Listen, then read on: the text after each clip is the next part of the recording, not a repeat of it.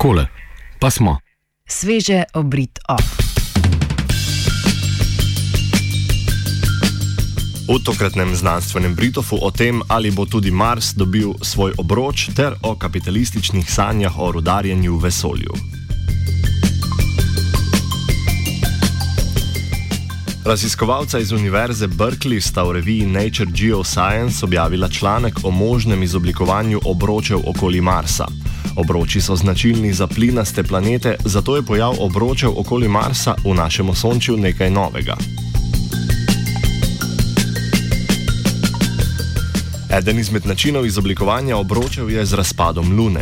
Luna razpade zaradi delovanja različnih sil, ostanki Lune pa zaradi gravitacijske sile planeta ne odletijo v vesolje in še naprej krožijo ter oblikujejo obroč.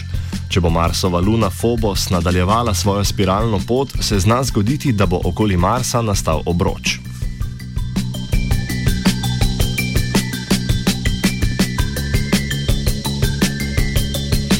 Analize so namreč pokazale, da je Luna Phobos v večini sestavljena iz rahlih in načetih materijalov.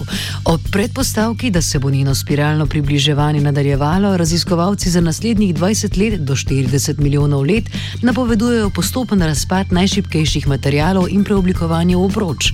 Deli Phobosa, ki so dovolj trdni in se ne bodo razpršili, pa bodo naposled brez večjega vpliva treščili v Mars.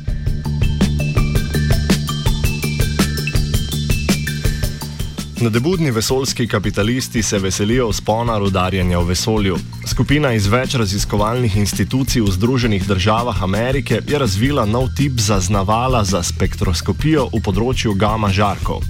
To vrstna zaznavala bi lahko bila uporabna za zaznavanje rud v notranjosti asteroidov in drugih nebesnih teles. Drugi razlog za prenagljeno navdušenje pa predstavlja nedavno sprejeta ameriška zakonodaja, ki omogoča razvoj tržnih dejavnosti v vesolju. Po njej je namreč posamezna oseba ali podjetje lahko lastnik surovin, ki jih rudari v vesolju.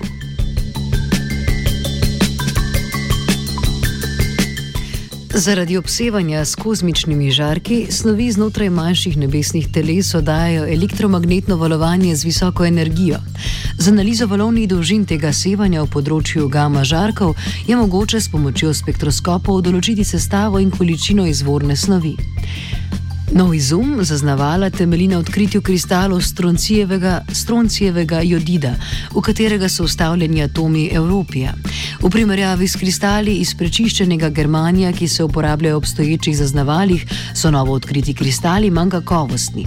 Njihova prednost je večja energijska učinkovitost, saj jih ni potrebno hladiti, kar pomeni, da je mogoče narediti precej manjše in cenejše spektroskope, ki jih je tudi lažje poslati v vesolje. Rodarjenje v vesolju pa kljub temu ostaja oddaljeno sanjarjenje, saj večji problem ostaja energijska učinkovitost vesoljskega transporta. V vse merje sta vas popeljala Jaka in vajenka Ana. Mm -hmm.